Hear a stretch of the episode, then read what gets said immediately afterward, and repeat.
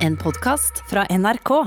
Min erfaring etter å ha vært debattleder i noen år i Dagsnytt 18 og Debatten, sammen med erfaringen til eh, kolleger av meg som har jobbet med TV- og radiodebatt mye lenger enn meg, det er at det er en vanskelig avveining mellom dybde, altså det å gå eh, dypere ned i temaer, og tempo i sendingene.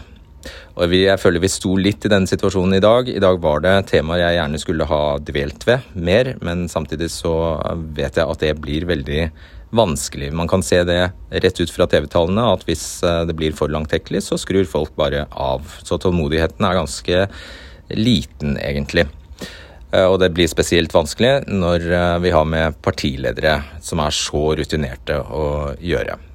Men som kompensasjon for det, da, eller for å kompensere for det, så velger vi oss ut noen helt tydelige journalistiske forsetter. Eh, altså noen spørsmål eller noen temaer som vi vil ha svar på. Eh, og der vi ikke gir oss før vi har fått eh, det vi mener er tilfredsstillende svar. Og den, Et av de eh, temaene i dag det var hvorvidt hvordan man skal tolke den enigheten regjeringspartiene og Fremskrittspartiet har kommet fram til når det gjelder prioritering av kristne flyktninger eller, eh, eh, eller kvoteflyktninger. Der har det vært stor eh, forvirring ute og gikk om hvordan man skal tolke den enigheten. Så det kan du prøve å legge merke til og gjøre deg opp en vurdering selv, om vi greide å få et tydeligere svar på det. Hva koster en kvoteflyktning nå om dagen? Bli med over til Svinesund, så får du svaret.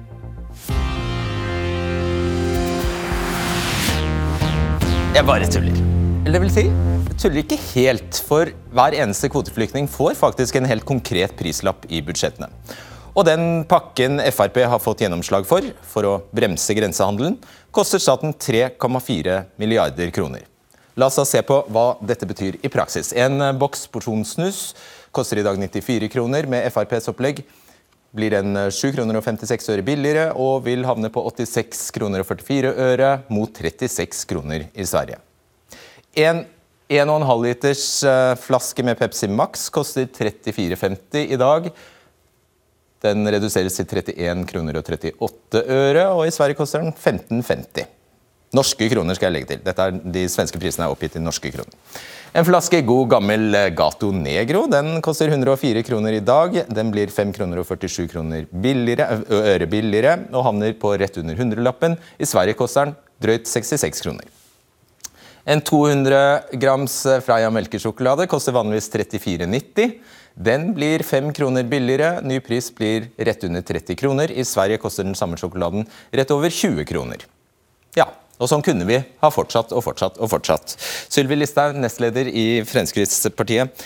Det er jo dere som har reddet eh, regjeringens liv atter en eh, gang med dette budsjettet. Tror du disse og jeg må bare, jeg tror alle som ser disse tallene, eh, ser at det er små endringer. Tror, tror du disse, disse små endringene, 1,50 per ølboks, vil føre til at færre drar over grensa? Jeg håper jo at det vil bidra positivt når grensen åpner, men det er klart vi ønsker jo enda større skatte- eller avgiftslettelser. Det kommer vi til å jobbe for framover. Men det det handler om, det er arbeidsplasser i Norge. Og så handler det om alle de i Norge som ikke har muligheten til å reise til Sverige som bor på Vestlandet f.eks., der det tar timevis å reise over grensa. Og det er klart For deg så vil dette her være en, et viktig bidrag i hverdagen. Så du svarer på hva du håper, jeg spør deg om hva du tror. Så nå kan du prøve. Hva tror du? Jeg håper, og, ja. og jeg tror jo og håper at det skal ha en effekt. Ja, men, men hva tror du? Ja, jeg tror og håper det. det. Ja. Ja, okay. Men uh, det vil jo vise seg. Men jeg har bare lyst til å si at det er veldig villedende den innledninga du har. For det er klart det som uh, er saken, er at uansett så ville det blitt minst 3000 kvoteflyktninger neste år. Vi kommer til flyktningene. Uh, Listhaug, hold an det. Kjell Ingolf Ropstad, hva tror du? Tror du det vil føre til mindre svenskehandel? Jeg tror iallfall ikke det vil bli mye mindre svenskehandel. Det kan godt være at det blir noe. Men, eh, og forhåpentligvis de vanene en etablerer nå gjennom korona, med at en bruker lokalbutikken eller handler kanskje mer på nett, eh, vil kanskje også sette seg. Så jeg har iallfall et råd til alle om å støtte opp om de lokale bedriftene. Det betyr arbeidsplasser. Det betyr eh, ikke minst i distriktene at du kan opprettholde små butikker. Så det håper jeg at folk tenker på. Liker du det, eller liker du det ikke, det du har gjort? Nei, Jeg skulle jo ønske at vi kunne bruke de pengene på andre ting. Du liker ikke det du egentlig har Nei, det er jo sånn helhet i et budsjett at uh, vi prioriterte andre ting. F.eks. å øke barnetrygden med 8002 for de yngste ungene. og Det synes jeg var en viktigere prioritering.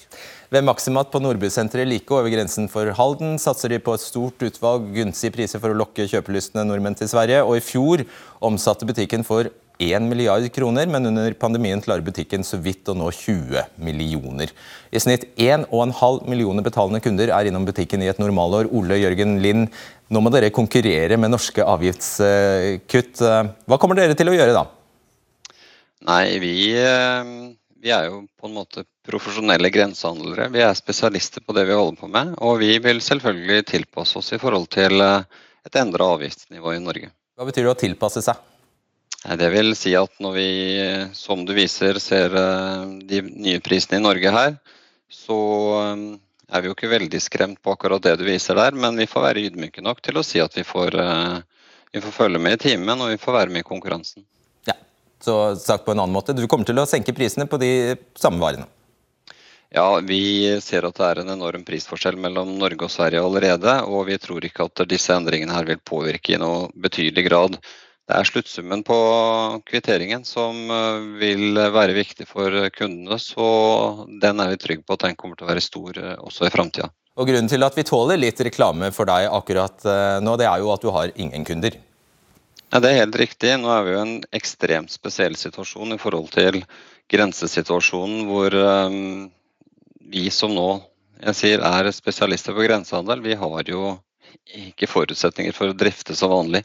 Vi har jo jeg får si, ingen kunder. Vi har eh, et omsetningstap på 98% og det er klart det er, det er forsvinner lite igjen. Kan du bare beskrive for oss hvem det går utover? Det går altså, eh, stemmer det? Du er jo norsk. Er, de, er mange av de ansatte skjønner jeg også er norske? Er dere norskeid til og med? Og det er norske kunder. Hva er svensk oppi det hele? Nei, Vi er en uh, svensk uh, virksomhet som ligger i Sverige. Og så er det som du sier, vi ligger jo helt på grensen. Og vi er uh, deleid fra Norge. Og vi er veldig mange som bor i Norge, bor i Halden, jobber i Sverige. Ja, Da sier jeg tusen takk og, og lykke til. Takk for det. Sylvi Listhaug, husker du hva du sa om kvoteflyktninger da du gikk inn i disse forhandlingene? Ja, og det som nå er saken er jo at jeg sa at vi ikke ønsker 3000 kvoteflyktninger. Eh, vi ønsker å få ned det antallet. Nå er det, det beskjeden, Sylvi Listhaug. Du sa 3000 kvoteflyktninger er helt uaktuelt. Da får de ingen avtale, sa du til TV 2. Og ut tyter du altså med tre, over 3000 eh, kvoteflyktninger. Hvordan kan det ha seg? Ja, 3000 er tallet, men det er klart det var før vi visste at vi kunne flytte på 18 milliard kroner. I tillegg til å få ned grensehandelsavgiftene, så har vi altså sikra pensjonistene 2 milliard kroner. Vi har fått til eh, nettolønnsordninger for norske sjøfolk som sikrer eh, norske sjøfolk på norske skip. Og ikke minst har vi fått inn en veldig viktig innstramning i innvandringspolitikken som er gått under radaren, men som handler om et tap som vi gikk på når vi satt i regjering, om å øke antallet år for å få permanent opphold i Norge fra tre til fem år. Det betyr at du har en lengre periode til å avsløre juks, avsløre falske identiteter, til å trekke tilbake tillatelsen og sende folk ut. Og Det at KrF og Venstre nå endelig bøyd av, det er jeg veldig glad for. Altså, du, det er en kjensgjerning. Du gikk inn med et krav om null, kom ut med et tall på 3300 på papiret. Ifølge Finansdepartementet, som dere har spurt om, eh, spurt, så koster 3000 kvoteflyktninger 646 millioner kroner det første året, 1,3 milliarder det andre året. Livsløpskostnaden ifølge SSB eh, per flyktning er 19,3 millioner kroner Eh. Det blir 58 milliarder kroner hvis man tar imot 3000 i løpet av ett år. Det beløper seg til 290 milliarder i løpet av fem år hvis man tar imot 3000 alle fem årene. Dere selger altså inn dette her som en seier. Du viser til disse 18 milliardene. Og du viser til disse 3,4 milliardene i, i grensehandelpakke. Ja, Dine velgere vet jo det jeg sa nå. Ja, og, og din jo... egen stortingsgruppe stemte delvis imot denne dealen du har gjort. Ja, og Det er jo et livsløpsperspektiv. Men så er det klart at det at vi får til innstramninger nå, er kjempeviktig framover. Og det er jo et faktum at uansett så ville det blitt minst 3000 kvoteflyktninger neste år. Audun Lysbakken ønsker å ta imot 6000, som da betyr 118 du eller 6 null, milliarder. Det er det vi holder deg imot. Ja, og det var før vi visste at vi fikk flytte på 18 milliard. Sørge for at pensjonistene slipper å få underregulering av pensjoner. Det var før vi visste at vi kunne sikre norske sjøfolk, private barnehager, okay. og få med dem på en innstramming som de stritta imot i årevis. De stemte ja. mot i 2016, mot på Jeløya, de var mot på Granavolden, og nå bøyer de av. og Det er jeg veldig veldig glad for, for det kommer til å ha innvirkning på sikt. Bare svar på det. Jeg har jo vært for 3000 kvoteflyktninger fordi det handler om mennesker som er på flukt. Så jeg må si jeg reagerer på framstillinga om at dette bare er en stor kostnad. Altså Hvis du bare regner på kostnaden, så er det mange av oss som ikke lønner seg i det store løpet. Det er ikke jeg som har gjort det, det er Finansdepartementet som har gjort det. Jo, men det er en fremstilling av mennesker som er i nød, og som er desperate og prøver å finne seg et nytt sted. og de det er rekordmange mennesker som lever på flukt akkurat nå. og det At Norge skal ta 3000, sammen med ikke minst at vi skal fortsette et høyt nivå på bistanden, det har vært et selvsagt krav fra KrF. Og Det at vi lykkes med det i det budsjettforhandlingene her, det var veldig viktig for oss. fordi at ja, vi har en krise her, vi skal håndtere den, vi må sikre arbeidsplass, vi må hjelpe folk tilbake. Men vi må jo ha det internasjonale perspektivet, at Norge skal hjelpe mennesker som er på flukt. Jonas Gahr Støre, vil du kommentere det du ser? Altså, Det er så mye å kommentere. Start et sted, bare begynn et sted. Men altså, for det første, det at uh, Ropstad har fått beholde det tallet på kvoteflyktninger som de var enige om da de satt i regjering, mot å gi en lang rekke ting, er jo helt fantastisk. At det er dit de er kommet. Og I dag har vi hørt Sylvi Listhaug stå i Stortinget og si at hun har tvunget KrF og Venstre i kne, og nå er hun ferdig med KrF og Venstre. Så dette er liksom laget som leder Norge nå. Det er nå det politiske rundt det. Og så tenker jeg at eh, Hvorvidt disse avgiftskuttene kommer til å lede til redusert grensehandel, jeg er sterkt i tvil om det. Det tror jeg vi må se an. Det er et komplekst tema. Norge er et dyrere land. Og Han fra Nordby svarer jo ganske klart ut her hva han mener om det. Vi tror vi trenger en ganske grundig utredning av hva grensehandel egentlig betyr. Mm. Og Isteden så har jo disse nå finansiert dette med oljepenger. Det er varige utgifter som de svekker inntektene til staten på. Og Det er en annen kapittel ved dette. Oljepengene sitter løst når Erna Solberg skal finne enighet. Det, det kan du egentlig det neste spørsmål kan du bare svare bekreftende på. Ingenting av det vi har snakket om nå vil du reversere? Eh, jeg har sagt at vi må slutte med jojo-politikk. Denne regjeringen har altså økt avgifter hvert år for å få budsjettene i havn. Og så siste året de har budsjettsamtaler, så raser avgiftene ned igjen. Vi kan ikke ha det overfor næringslivet vårt. Du vil styre videre på deres politikk Nei, men når det gjelder kvoteflyktninger og når det gjelder avgiftskuttet. Hvis det kommer en ny regjering, så sier ikke jeg at vi etter ti måneder skal kjøre disse avgiftene opp igjen. Det kan godt hende at det er avgifter her bør endre, men Arbeiderpartiet har et løfte, og det er at hvis en avgift går opp, så skal en annen gå ned. Ja, eh. Det er vårt skatteløfte. Vi skal ha mer rettferdig skattesystem. De som tjener vanlig skatt, eh, har mindre inntekter. Mindre skatter. De som tjener mye, skal ha mer. Ja, Hva skal opp nå, da? Dette gikk jo ned. Ja, dette går ned. Så hvis vi øker, de, øker skatter igjen nå, eh, øker avgifter nå, og det kan være grunn til å se på disse avgiftene, så må en annen avgift eller en annen skatt gå ned. Ja, hva da? Og da? Nei, og, det, og det, det svaret har du ikke. Og da er det forutsigbart for næringsliv og bedrifter. Vi kan ikke ha jojo-politikk opp og ned. Erna, Erna, Solberg, hva var viktigst eh, for deg i eh, disse forhandlingene? Hva var aller viktigst? Det viktigste var å sørge for at vi får et godt budsjett for landet fremover. Ja, bortsett fra det, det, da. Nei, ja. men det er det viktigste. Og jeg vil si at Hvis man later at dette bare er politisk spill og sier at man redder regjeringen Nei, man sørget for at det ikke ble et kaos i norsk politikk i, i en situasjon hvor det var vanskelig. Og det har jeg respekt for at Frp har lagt tungt vekt på i det arbeidet de har gjort. Er ikke det å redde budsjett... regjeringen? Jo, det du beskrev nå? Jo, men man må tenke at det også og sørge for at landet ikke ender opp med at vi blir fokusert på hva, hva, slags regjering skal vi ha, midt i en pandemi og en krise, som jeg tror alle har hatt godt av at det ikke ble stor grad av ustabilitet om nå. Men i tillegg så er det sånn det er 1550 milliarder kroner i dette statsbudsjettet.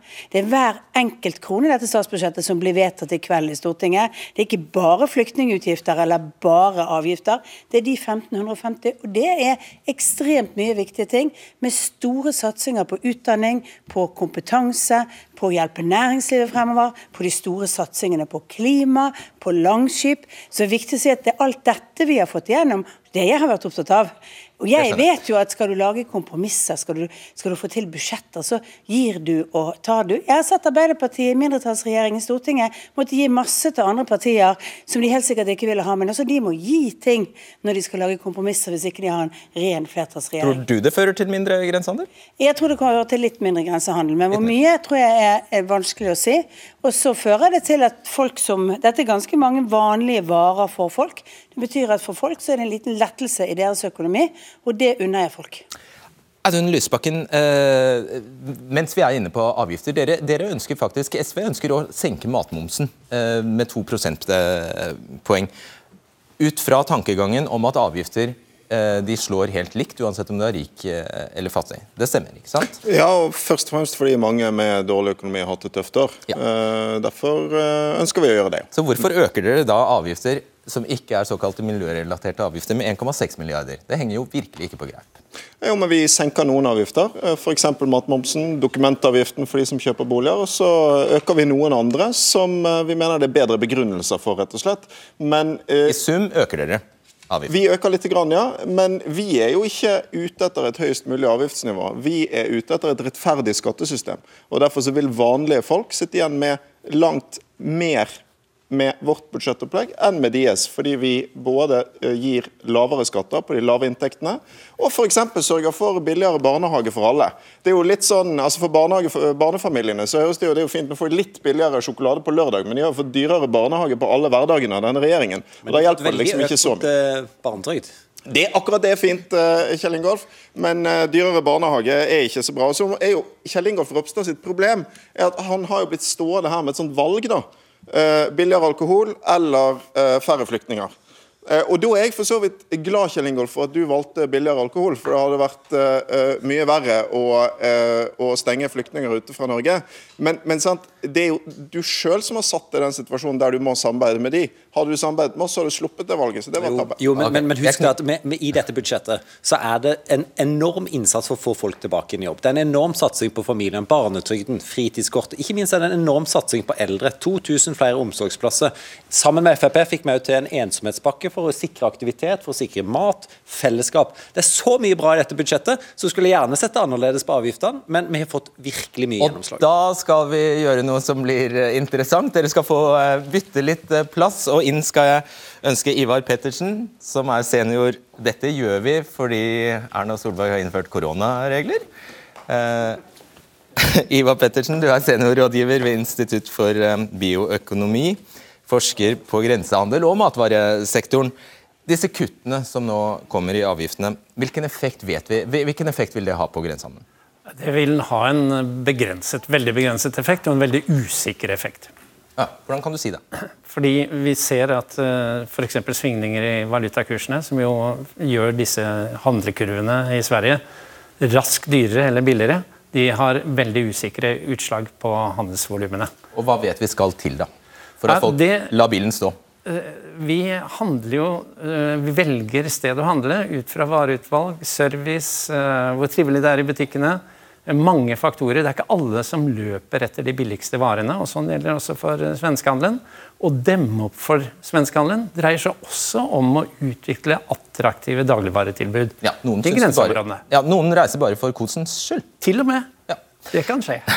Er denne, fordi dette er jo, altså, Man er jo mest opptatt av arbeidsplasser. Kan man si noe om det? Om det sikrer norske arbeidsplasser? Ja, altså Hvis det sikrer norske arbeidsplasser, så tenker vi altså på dagligvarehandelen. Uh, og de arbeidsplassene i dagligvarehandelen som er utsatt, det er jo de som er i grensetraktene med svakt befolkningsunderlag i utgangspunktet. Uh, det er klart, det er viktig å ta vare på dem, men det har vi veldig gode virkemidler for. Vi har f.eks. et Merkur-program. Det koster ikke mer enn 80 millioner i året. Og det bidrar til å bygge opp gode dagligvaretilbud langs grensen. Det demmer opp. Jeg tror ikke vi vikler oss inn i Merkur-programmet akkurat nå. Men et siste spørsmål om matmomsen. Det er flere partier som eh, altså har det i sine programmer, at de vil kutte matmomsen. Eh, SV vil fra 15 til 12, eh, 13 eh, hva vet vi er ut, blir utslaget av det? Fordi Der skal det jo avhjelpe de lavtlønte spesielt. Ja, Det har jo da også liten, om noen, og veldig usikker effekt på grensehandelen. Og så er det da dette fordelingshensynet. Er dette positivt for en rettferdig fordeling?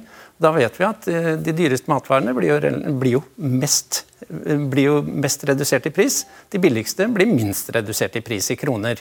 Fordelingseffekten er usikker. Og så er jeg veldig betenkt på at moms plutselig skal bli et fordelingspolitisk virkemiddel. Det er også en helt ny debatt. Ja. For å sikre velferden i Norge. Nettopp. Hjertelig takk skal du ha. Ja, Sylvi Listhaug. Ja, jeg håper at dette her får en effekt. Men det er klart at det, det som var hovedgrunnen til at vi nå valgte å støtte dette budsjettet, er fordi landet er i krise. Det er fordi at mange nå er redd for å miste jobben. Vi har nesten 2000 arbeidsledige. Det er mange familier som nå sitter og er bekymra for framtida. Og da kunne ikke vi kaste eh, landet ut i en regjeringskrise. Og så er det jo helt feil som Lysbakken sier, som sier at kvoteflyktning eller, eller snus. Altså Det det var snakk om, var innstramminger. Det forslaget er fremma i salen i Stortinget i dag. Det skal behandles til uka. og Det vil føre til en betraktelig innstramning i norsk asyl- og flyktningpolitikk. og Det er jeg veldig glad for at vi får på kjøpet her. Jeg bare skulle bryte der for å si at Han sa jo nettopp at det har liten effekt. Ja, men vi håper jo at det har effekt, og det kommer folk flest til gode. Jeg trodde du sa null kvoteflyktninger, og så ble det 3000. Jo, men det blir også en innstramming som jeg håper SV også vil eh, støtte, som betyr at det blir langt vanskeligere å få opphold i Norge, som betyr at det blir strengere regelverk rundt familiegjenforening, som betyr at vi skal prioritere kristne forfulgte. Eh, og Det er veldig gode forslag som vi da fikk på plass. Det at det skal bli vanskeligere å få leve med familien sin, det kommer vi ikke til å støtte. Det burde ikke du støtte heller, Kjell Ingolf. Takk for den, takk for den, for dette må vi til bunns i. Det, er, det er altså slik at dere har bestemt dere Eller du kan faktisk få bestemme eh, få, få, fortelle hva dere har bestemt når det gjelder kristne, eh, kristne kvoteflyktninger. Skal de prioriteres? Vi skal eh, prioritere å ta imot kristne jesidier og ahmadiyya-flyktninger som er forfulgt på sitt religiøse grunnlag. Altså Det er det som er grunnlaget. På samme måten som regjeringen før har sagt at LHBTI eh, personer skal også prioriteres innenfor den kvoten. Vi har et prioriteringssystem for hvor vi henter kvoteflyktninger. Vi bestemmer hvilket land og hvilket sted vi henter det fra. Vi bestemmer hvilke grupper vi henter til Norge. Vi bestemmer eksempel, har vi bestemt at vi skal ha, vi legger mer vekt på integreringskriterier. Da skal vi finne særlig barnefamilier for å hjelpe de med sårbare barn å komme inn, fordi vi vet at det er lettere å integrere mm. de. Men vi har også sagt enkelte grupper. Og jeg syns det er litt morsomt med den debatten som pågår. Ja. For når vi for noen måneder siden sa at vi skulle eh, også plukke ut LHBTI, altså homser og andre, ja. Ja, for alle de eh, som ikke kan alle bokstavene, så så fikk vi applaus fra alle på venstresiden. Da var det så fint at vi gjorde noen valg, og at vi så det. Men med en gang vi da sier at de som er religiøst forfulgte, kristne, jesidier og ahmadiyya, da er det plutselig et problem at vi gjør noen sånne valg. Mm. Det er ikke konsekvent. Og når SV applauderte at vi sa LHBTI, så kan det ikke være prinsipielt imot at vi sier noe annet. Men, men, du får svare på vegne av SV, tror jeg. Jo, nei, men, men her tror jeg faktisk SV og vi er enige. Poenget er at prioritering å ta og hjelpe sårbare mennesker er riktig. Men det er jo et problem, Erna Solberg når dagen etter dette så sier Syver Listhaug én ting, noe helt annet enn det dere sier. Og preses i Den norske kirke går ut og sier at det å velge bare kristne, det vil være feil. Så har de en tolkning, og de en tolkning. Og det minner jo om forlikene for denne regjeringen. Når de har plastposeavgift og flyseteavgift og sukkeravgift, så er det uenighet om hva som Dette egner seg ikke til å gjøre en sen kveld. Det blir usikkerhet om tolkning, og de som blir skadelidende for det, det er de mest sårbare. Ingen usikkerhet om tolkningen. Det står også La oss sjekke det i praksis, La oss sjekke det i praksis nå. Ja.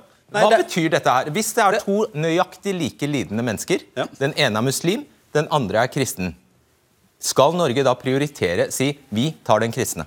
Eh, det kommer helt an på enkeltsituasjoner. Hvis det er Ahmadiyya-muslimer, så har vi sagt at vi skal prioritere dem. Men dette vil jo ha, det vil jo ha følge for prioriteringene. Det er jo som statsministeren sier i bunnen, Ikke sno deg unna. Men, ikke, men, ikke sånn vi gjør det. For det vi faktisk gjør, er at vi sier til høykommissæren vi har noen kriterier.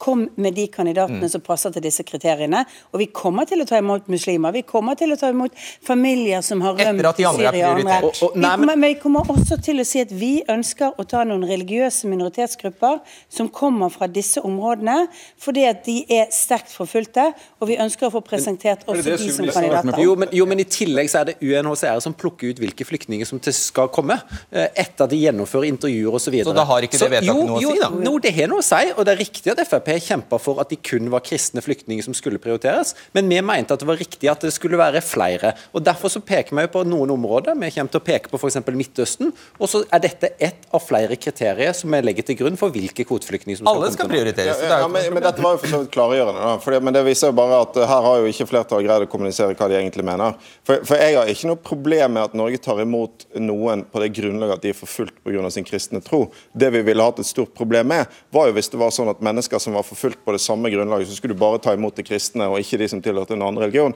Og det er jo sånn Frp har snakket om dette. Så det er ikke rart det blir reaksjoner. Hvis det er sånn dette er, så er det jo en mye mindre sak enn det man har gitt inntrykk Hvordan er det? Ja, Vi forventer at kristne forfulgte blir prioritert når kvoteflyktningene skal tas ut eh, neste år, og det kommer vi til å følge opp eh, skal skje. Du har mindre problemer med å svare på det samme spørsmålet Ropstad fikk. Hvis det er to nøyaktig like lidende, så gir Norge beskjed, en muslim og en kristen, så gir Norge beskjed om at vi foretrekker den kristne.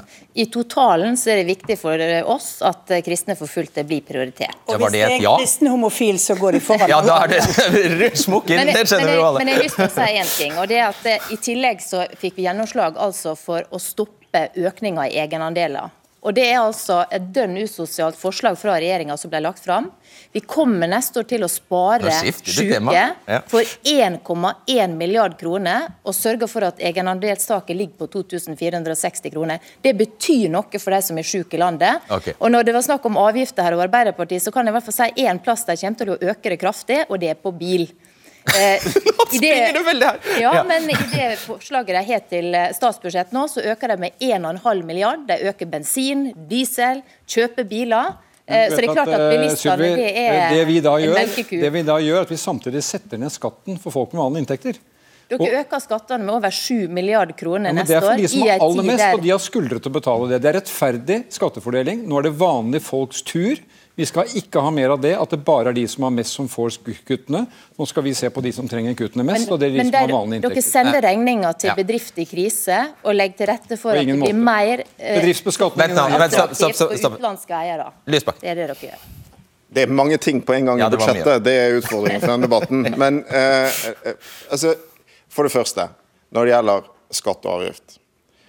Sant? Høyresiden har et enormt forklaringsproblem, for dere er bare opptatt av å snakke om skatter og avgift på samfunnsnivå. Men det som er interessant for folk, det er jo fordelingen. Hvor mye sitter folk igjen med? Og da er jo sannheten at det er venstresiden sine budsjetter som gir folk, vanlige arbeidsfolk, mest 72% av befolkningen vil få lavere skatt med SV sitt forslag. Altså lavere skatt enn det dere har blitt enige om nå. Så det er altså falsk markedsføring når høyresiden driver og snakker om skatteletter. For sannheten er at de har en helt annen fordeling. Vi vil øke skattene for de rike, sånn at det blir mer til felles velferd. Og så vil vi samtidig Ok. senke skattene for vanlige Et- folk. Og du kan faktisk gjøre begge deler på en gang. Siden Ropstad skal forlate oss, så får du eh, ti sekunder her, og så ta, gjør vi et lite skift. Ja, Under denne regjeringa de siste sju-åtte årene så har en vanlig barnefamilie fått 14 000 i skattelette. De har fått økt barnetrygden det neste år til sammen med 8200 for de yngste ungene. Det er en tydelig prioritering av familiene. og Det betyr jo at når du regner inn disse typer avgifter og skattelette, så kommer det godt ut for vanlige folk, og så er det en tydelig prioritering av velferdssamfunnet. fordi at det å styrke familiene betyr at du legger grunnlaget for at barn kan få en trygg og god oppvekst. og Det har vært veldig viktig for KrF. Og litt billigere alkohol. Jo, men dette handler jo om en total altså Den endringen Ja, ja, som nei, jeg kommer tilbake til 2016-nivå, men jeg skulle gjerne unngått den. Men det handler om totalen i budsjettet, som er veldig bra for neste år. Og ikke minst at vi har fått gjennomslag for 3000 kvoteflyktninger og internasjonalt Ja. solidaritet. Innstramming i innvandringspolitikken, som jeg gleder meg til at dere skal stemme for. Nå kommer det en lyd.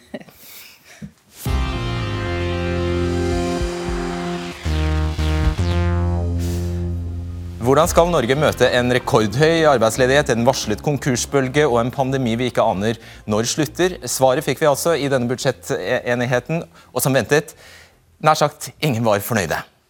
Som vanlig. Ole Erik Almli skal være med oss. Du er administrerende direktør i NHO. Og inn håper jeg nå at eh, Hans Christian Gabrielsen kan løpe.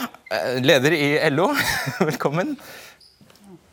Det er snart 200 000 arbeidsledige her i landet. Gabrielsen. Hvordan, eh, hvordan, har det, hvordan vil du si de har reagert på enigheten? Jeg tror de hadde en forventning om at uh, nå er det arbeidsfolks tur. At de hadde fått en trygghet for hvordan dagpengenivået kom til å bli også etter mars, så lenge vi har en koronapandemi. At de hadde sett hvordan vi kunne ha senket innslagspunktet for hvordan, når du kan få dagpenger. Hvordan studentene kunne fått en krisepakke. Ikke noe av dette har funnet sted og veien til budsjettet. Så det er utrolig skuffende. Og hvis jeg forstår det rett, så er dere aller mest kritiske til at det, eh, det, det har vært en sendrektighet, at det, kom til, at det kommer for seint? Ja, og det, og det, er uh, veldig alvorlig, og det har vært symptomatisk nå over lang tid. Uh, ta denne krisepakken for næringslivet, som det er bra at ble forsterka i november. Men usikkerheten er jo fortsatt der. Den skal altså gjelde til februar. Uh, bedriftene og næringslivet vet ikke hva de skal få etter februar. Eh, men verst av alt det er at det er nå de har behov for pengene. Det er nå arbeidsfolk, det er nå bedriftene har behov for pengene. Men de får de altså ikke før ut i februar. De kan søke på det i januar og får ikke pengene før i februar. Blodet renner i gatene nå. Det er nå de trenger pengene, og det er svært alvorlig. Stå der du står, for Vi skal bare høre med eh, administrerende direktør i NHO Alnlid om du er enig. Du er med oss fra Inderøya i Trøndelag. Eh, er du enig i den beskrivelsen?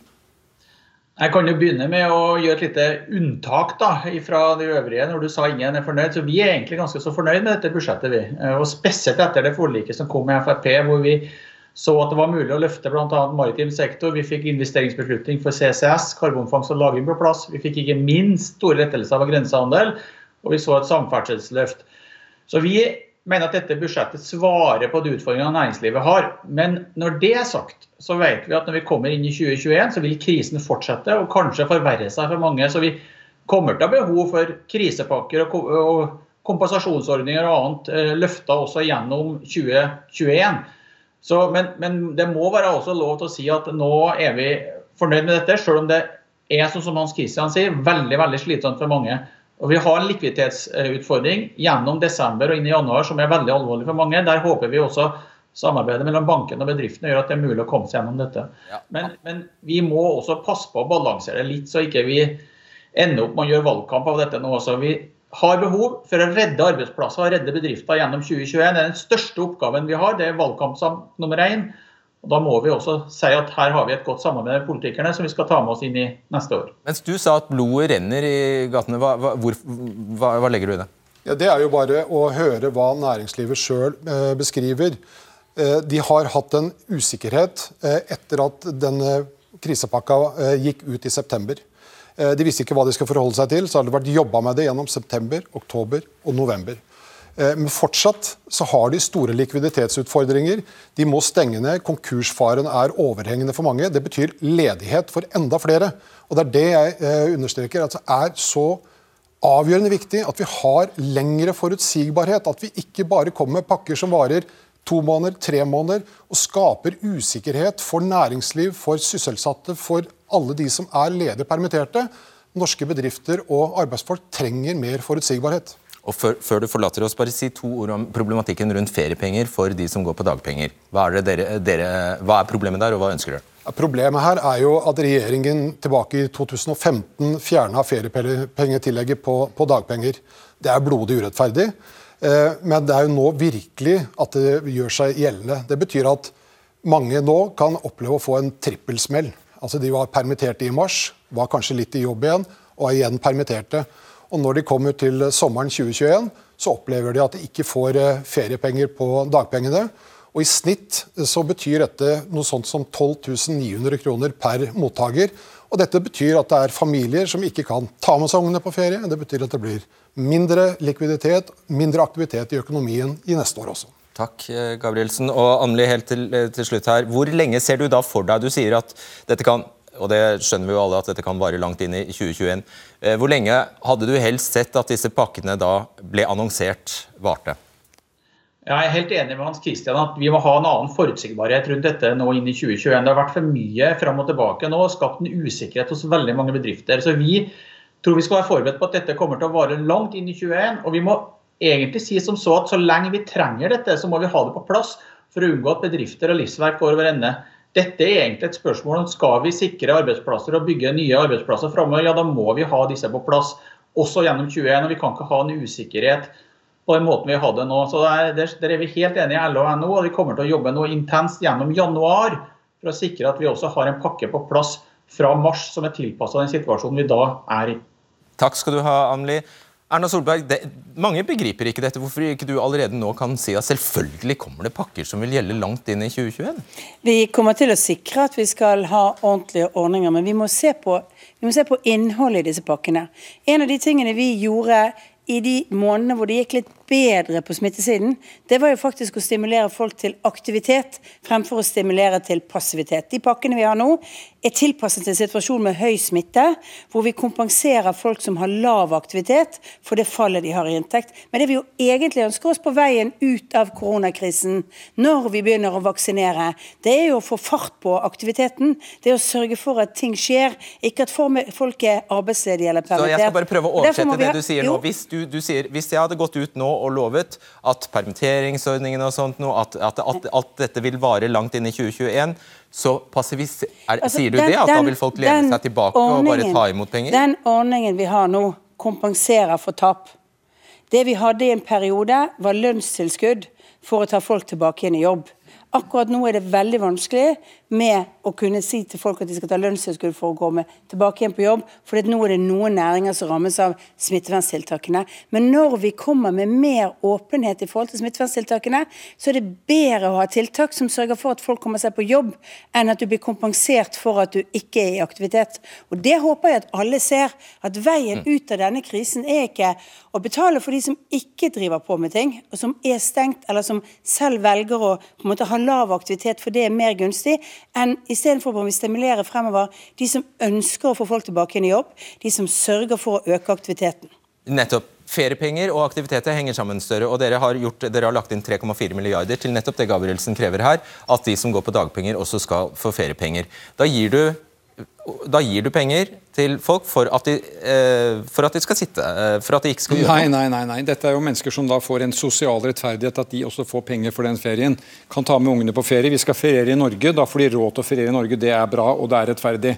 Men la oss spole litt tilbake. I vår, da vi stengte ned, så hadde vi ikke disse ordningene. Det var forståelig. Da gikk hele Stortinget sammen. Vi fikk ordninger, vi forbedret ordningene fra regjeringen. Og så klarte vi på veldig kort tid å utarbeide mekanismer som utbetalte til bedriftene. Så gikk smitten ned, og vi åpnet opp, regjeringen åpnet opp. La meg si, Vi er enige om strenge smitteverntiltak i dette landet. Men det jeg spør om nå, hva gjorde regjeringen i juli, ju, august, september, oktober i å forberede en ordning som kunne stå der når smitten kom tilbake? For allerede i april sa folkehelsemyndighetene det kommer en bølge to. Og Da bølge to kom og traff næringslivet, utelivet, restaurantbransjen, så hadde de mindre penger i kassa og var mer sårbare. Da sier regjeringen avtale med NHO og LO, det er bra, disse ordningene skal vi ha. Men pengene kommer ikke. Mekanismen virker ikke, den kommer langt over jul. Og nå sier organisasjonene én av åtte bedrifter kan gå konkurs.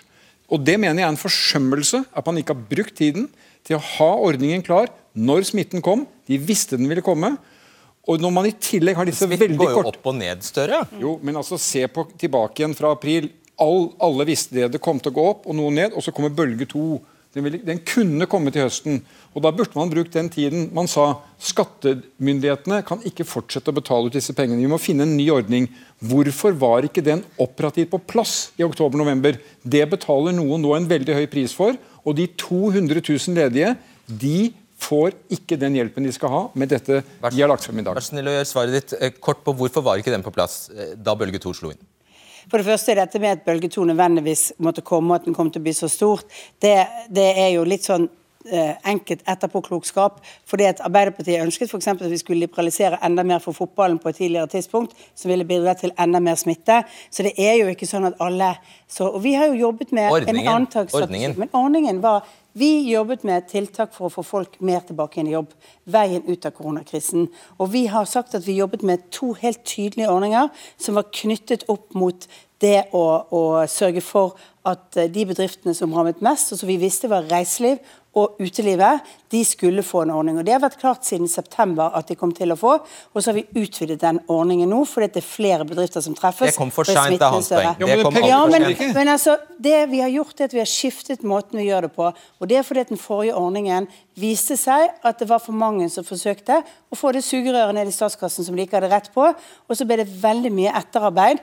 Mens det vi gjør nå, er å ha en forhåndskontrollert ordning, og da krever det faktisk at du har gjort opp regnskapet ditt. Lysbakken og så Lise.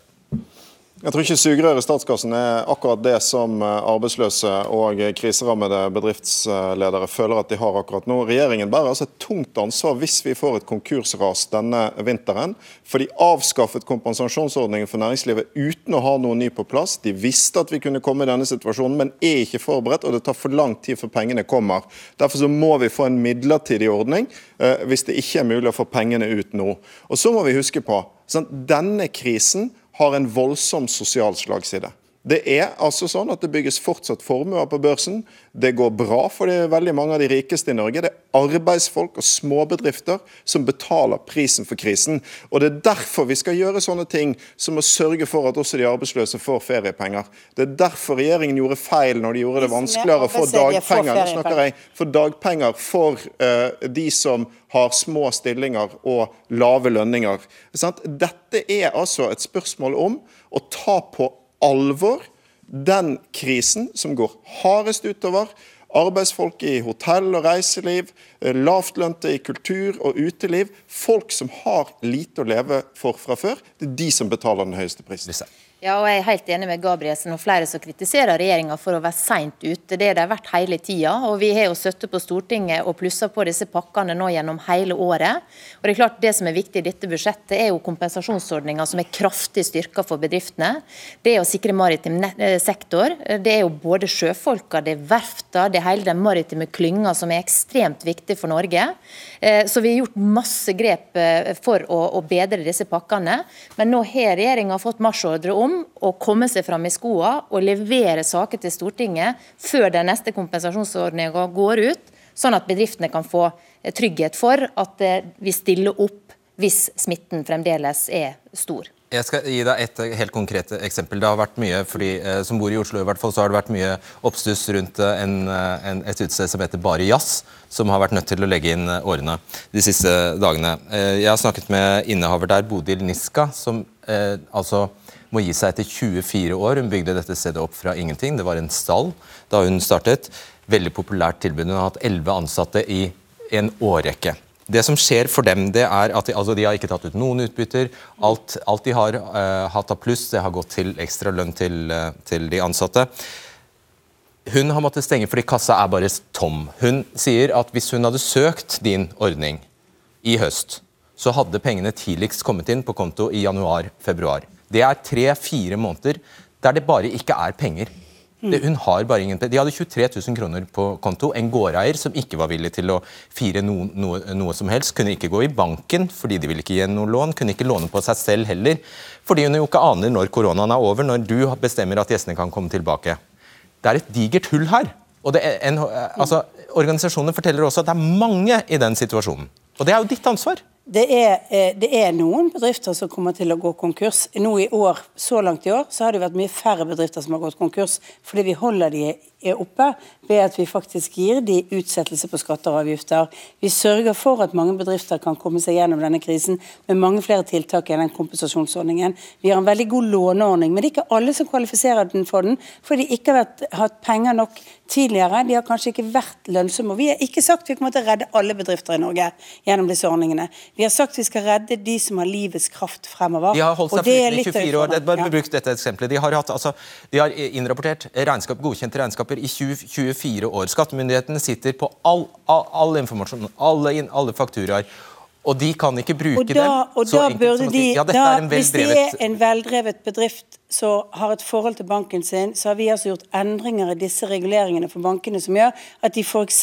skal legge vekt på at de kvalifiserer for å kunne få, få tilbakebetalt penger på denne kompensasjonsordningen. Og da burde de kunne få lån på veien. Men jeg kan ikke gå inn og snakke om hver enkelt bedrift. Jeg vet ikke tallene. Jeg vet ikke om de hadde underskudd i 2019. For har du underskudd i 2019, så har du ramlet utenfor alle de ordningene Stortinget har vedtatt. Det er ingen som har foreslått en ordning for de som gikk med underskudd i 2019, Erna Erna Solberg, skal overleve. nå, nå snakker du deg ut av dette, for det er ingen som snakker om at bedrifter som går dårlig og går konkurs, ikke skal gå konkurs.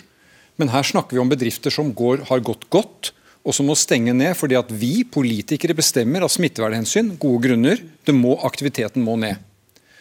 Og det vi har sett særlig i Oslo og Bergen, som har hatt de store smittekonsentrasjonene, at de har tatt veldig strenge tiltak kommunalt. Det er kommunene som har ansvar.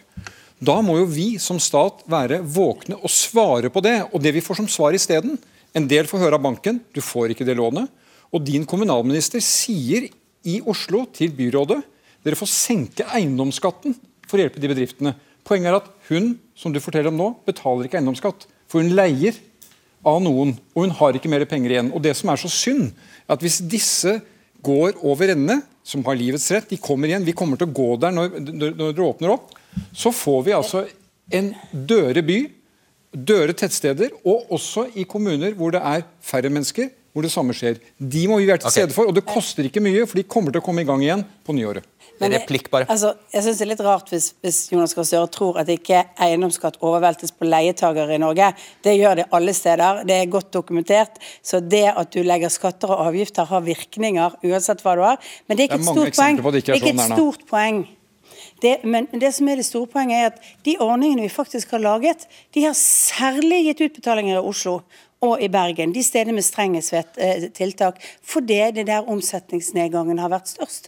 Derfor er det sånn at i de utbetalingene vi hadde i vår, så gikk 35% av utbetalingene til bedrifter i Oslo. Derfor kommer det til å være sånn med den ordningen vi vedtar nå, at det er Oslo som kommer til å hente mest ut av den sent, ordningen. Men virker ikke før på Ja, men- og på veien her så er det altså sånn at vi laget en stor låneordning for bedrifter, altså til bankene, hvor vi garanterer for 90% av lånene til bankene for å sikre at du kan komme gjennom denne krisen. Men det betyr ikke at alle bedrifter Du vil alltid finne eksempler på bedrifter som ikke overlever fordi de ikke har et godt nok forhold til banken sin, de har ikke hatt godt nok inntekter før, og de har kanskje levd fra hånd til munn. Lysbakken. Men statsminister, du har jo ingen svar til de som nå ser livsverkene sine gå over ende, til tross for at de kunne være levedyktige. Sånn som det er mange eksempler på i Bergen og i Oslo akkurat nå. og Det er jo det vi er ute etter. Hva har du tenkt å og nå? hvilket svar har du til de som har, driver hoteller i Norge, hvor du Ja, nå- øker nå- deres beskatning fullstendig? Dere har nålestikksopplegg på begge to. Jeg synes du skal svare på det spørsmålet som du har fått mange er ganger nå, Erna Solberg. Nå snakker du deg bort. hotellene, alle reiselivsbedriftene med private eide bedrifter i Norge. Dere øker skatterammene er, men, betydelig Dette, dette må vi fullføre. Dette er en statsminister som snakker seg bort fra problemstillingen. Vi kan godt ta den formuesskattedebatten om igjen. Og jeg står fullt og helt ved at lavere skatt på rike eiere i Norge ikke er veien ut av denne krisen. Men du må svare på hva betyr, du har tenkt å gjøre for Nå avbryter du meg igjen. Du må svare på hva du har tenkt å gjøre for de bedriftene som nå går over ende. Og det som er påfallende, er at statsministeren snakker om sugerør i statskassen, når vi snakker om små kafeer, små aktører i kulturlivet. Mens når det er snakk om de store aktørene, de store hotellkjedene eller huseierne som vi har snakket om, så har hun ikke vært okay. interessert i å stille sosiale krav. Ikke krav om at det skal være null oppsigelser. Ikke krav om at de store huseierne må bidra. Så Dette er utrolig merkelig, for da er man plutselig ikke noe redd for sugerør når det gjelder de store, bare når det gjelder de små. Det er tre mot én. Samla opp. Jeg må, få lov å rette, jeg må få lov å rette det. Jeg sa sugerør i kassen for de som, ikke, som drev med arbeidslivskriminalitet. knyttet til er det dette. Jeg snakker ikke om vanlige bedrifter. Og det var et problem med den ordningen vi hadde i vår, at det kom falske uttak. Og det betød at vi fikk kriminalitet rundt ordningen. Det ble misbrukt. Det, det, det, Det er bra å stoppe. Ok, da Lisa. Ja, jeg synes jo det er fascinerende å høre på venstresida snakke om dette her, fordi de gir jo med den ene handa kompensasjon. Med den andre hånda så sender dere en skatteregning ut til de som eier disse bedriftene som er i ferd med å gå konkurs, som gjør at de må ta ut penger fra en bedrift som går med underskudd. Og ikke nok med det, de er på konkursens rand, som rett og slett kan velte lasset. Det er litt av en julegave å sende til landets eh, eiere av bedrifter, som går utover arbeidsfolk. For det er de som Det var også litt av en sine. debatt å trekke opp når det er to minutter igjen, Jo, skal jeg si det. Men, Større, du skal få en utfordring, helt konkret utfordring, fordi du har forbarmet deg over flybran eh, flybransjen, eller luftfartsbransjen. Hva, hva er din konkrete løsning for dem? Eh, De er jo litt ulike. Vi har tre sentrale selskaper i Norge, SAS, Widerøe og Norwegian. Vi trenger seriøse selskaper i Norge. Hvis ikke vi er villige til å være i tett dialog med dem, hjelpe dem med lån, garantier og kanskje også gå inn på eiersiden, så ender vi opp med Wizz Air, Wizz Air, Wizz Air i Norge. Men det var ikke konkret. Jo, men det konkrete er jo avhengig av hvilken situasjon selskapene er i. Vi kommer ut av denne krisen, vi kommer til å begynne å fly. I Norge flyr vi mer enn noen Ja, andre. Norwegian. Vi Nei, Nå skal de gjennom en ganske tøff operasjon. Når de kommer ut av den, mener jeg at myndighetene skal være klare til å snakke med dem for å se om det er en konstruktiv rolle myndighetene kan spille. Ja, hva, du, hva, hva er planen, egentlig? Planen er at vi nå bruker betydelige penger til å kjøpe et godt flytilbud i Norge, i en tid hvor selskapene har kostnadsutfordringer. Vi har laget låneordninger som man kan bruke, og Norwegian har lånt på den ordningen. Vi har tatt vekk avgiftene som du betaler når du flyr. totalt Og vi finansierer jo alle kostnadene knyttet til Avinor, eh, sånn utenom, utenom det som blir belagt på det. Så det er mange ting vi har gjort for det. Men det jeg ikke vil gjøre med flyselskapene, det er å overføre norske skattebetaleres penger til kinesiske leasingselskap eller, eller en internasjonale ventureselskap Det som sitter som med eier i det. Og Derfor har jeg vært opptatt av at vi ikke kan gå inn på ordninger som gjør at vi bare eh, betaler ut penger til selskaper nå som faktisk ikke har en balanse som gjør at det er sannsynlig at man får til Men du, men du, hørte, du hørte hva jeg sa når det gjelder Norwegian. Nå går de gjennom en stor omstrukturering. Det blir et helt annet selskap. Og så må vi selvfølgelig se nøye hva blir det. Det er ingen som foreslår å gi penger til kinesiske leasingselskaper. Men jeg er redd for det- Senterpartiet har vel gjort Jo, det. men Senterpartiet er ikke her nå. Men altså det jeg er redd for, det er at vi ender opp altså med at de selskapene som vi har stolt på, og som kan Norge, går ut. Og så kommer lavprisselskapene inn med useriøse forhold som verken du eller jeg vil fly med. Du, har, du får avslutte 20 sekunder igjen. Ja, Vi sørger for mer penger til rutekjøp. Det handler om at dette er viktig for distriktene, næringsliv og folk. Og Så skal regjeringa komme tilbake med forslag til kompensasjonsordning i januar. og Da håper jeg at vi kan bidra enda mer for flybransjen. Jeg får beskjed på øret om at jeg må være snill med deg, statsminister, siden det er tre mot én. Du, du får avslutte, men du har bare ja, Er det 15 sekunder? Har du. Ja, først og fremst så tror jeg vi skal alle være opptatt av én ting, og det er at vi skal berge nok bedrifter.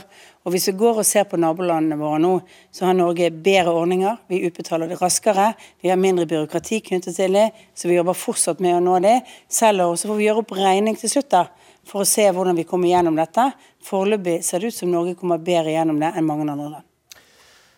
La oss håpe det. Debatten er ikke tilbake før over nyttår, på gjensyn i 2021, som vi alle håper blir et bedre år enn i år.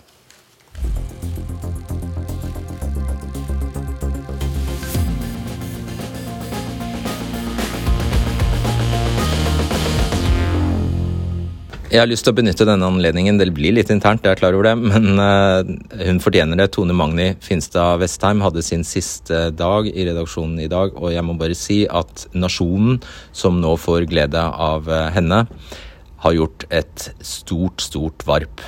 Jeg kan nesten ikke huske å ha jobbet sammen med noen som var så talentfulle og så originale og ja, komplette som Tone Magni er som eh, både menneske og journalist. Så kommer til å savne deg veldig, veldig, veldig, Tone Magni. Det var siste debatten før eh, jul. Jeg håper du henger med oss også over nyttår. Ha en god jul og godt nyttår, dere. Du har hørt en podkast fra NRK. Hør flere podkaster og din NRK-kanal i appen NRK Radio.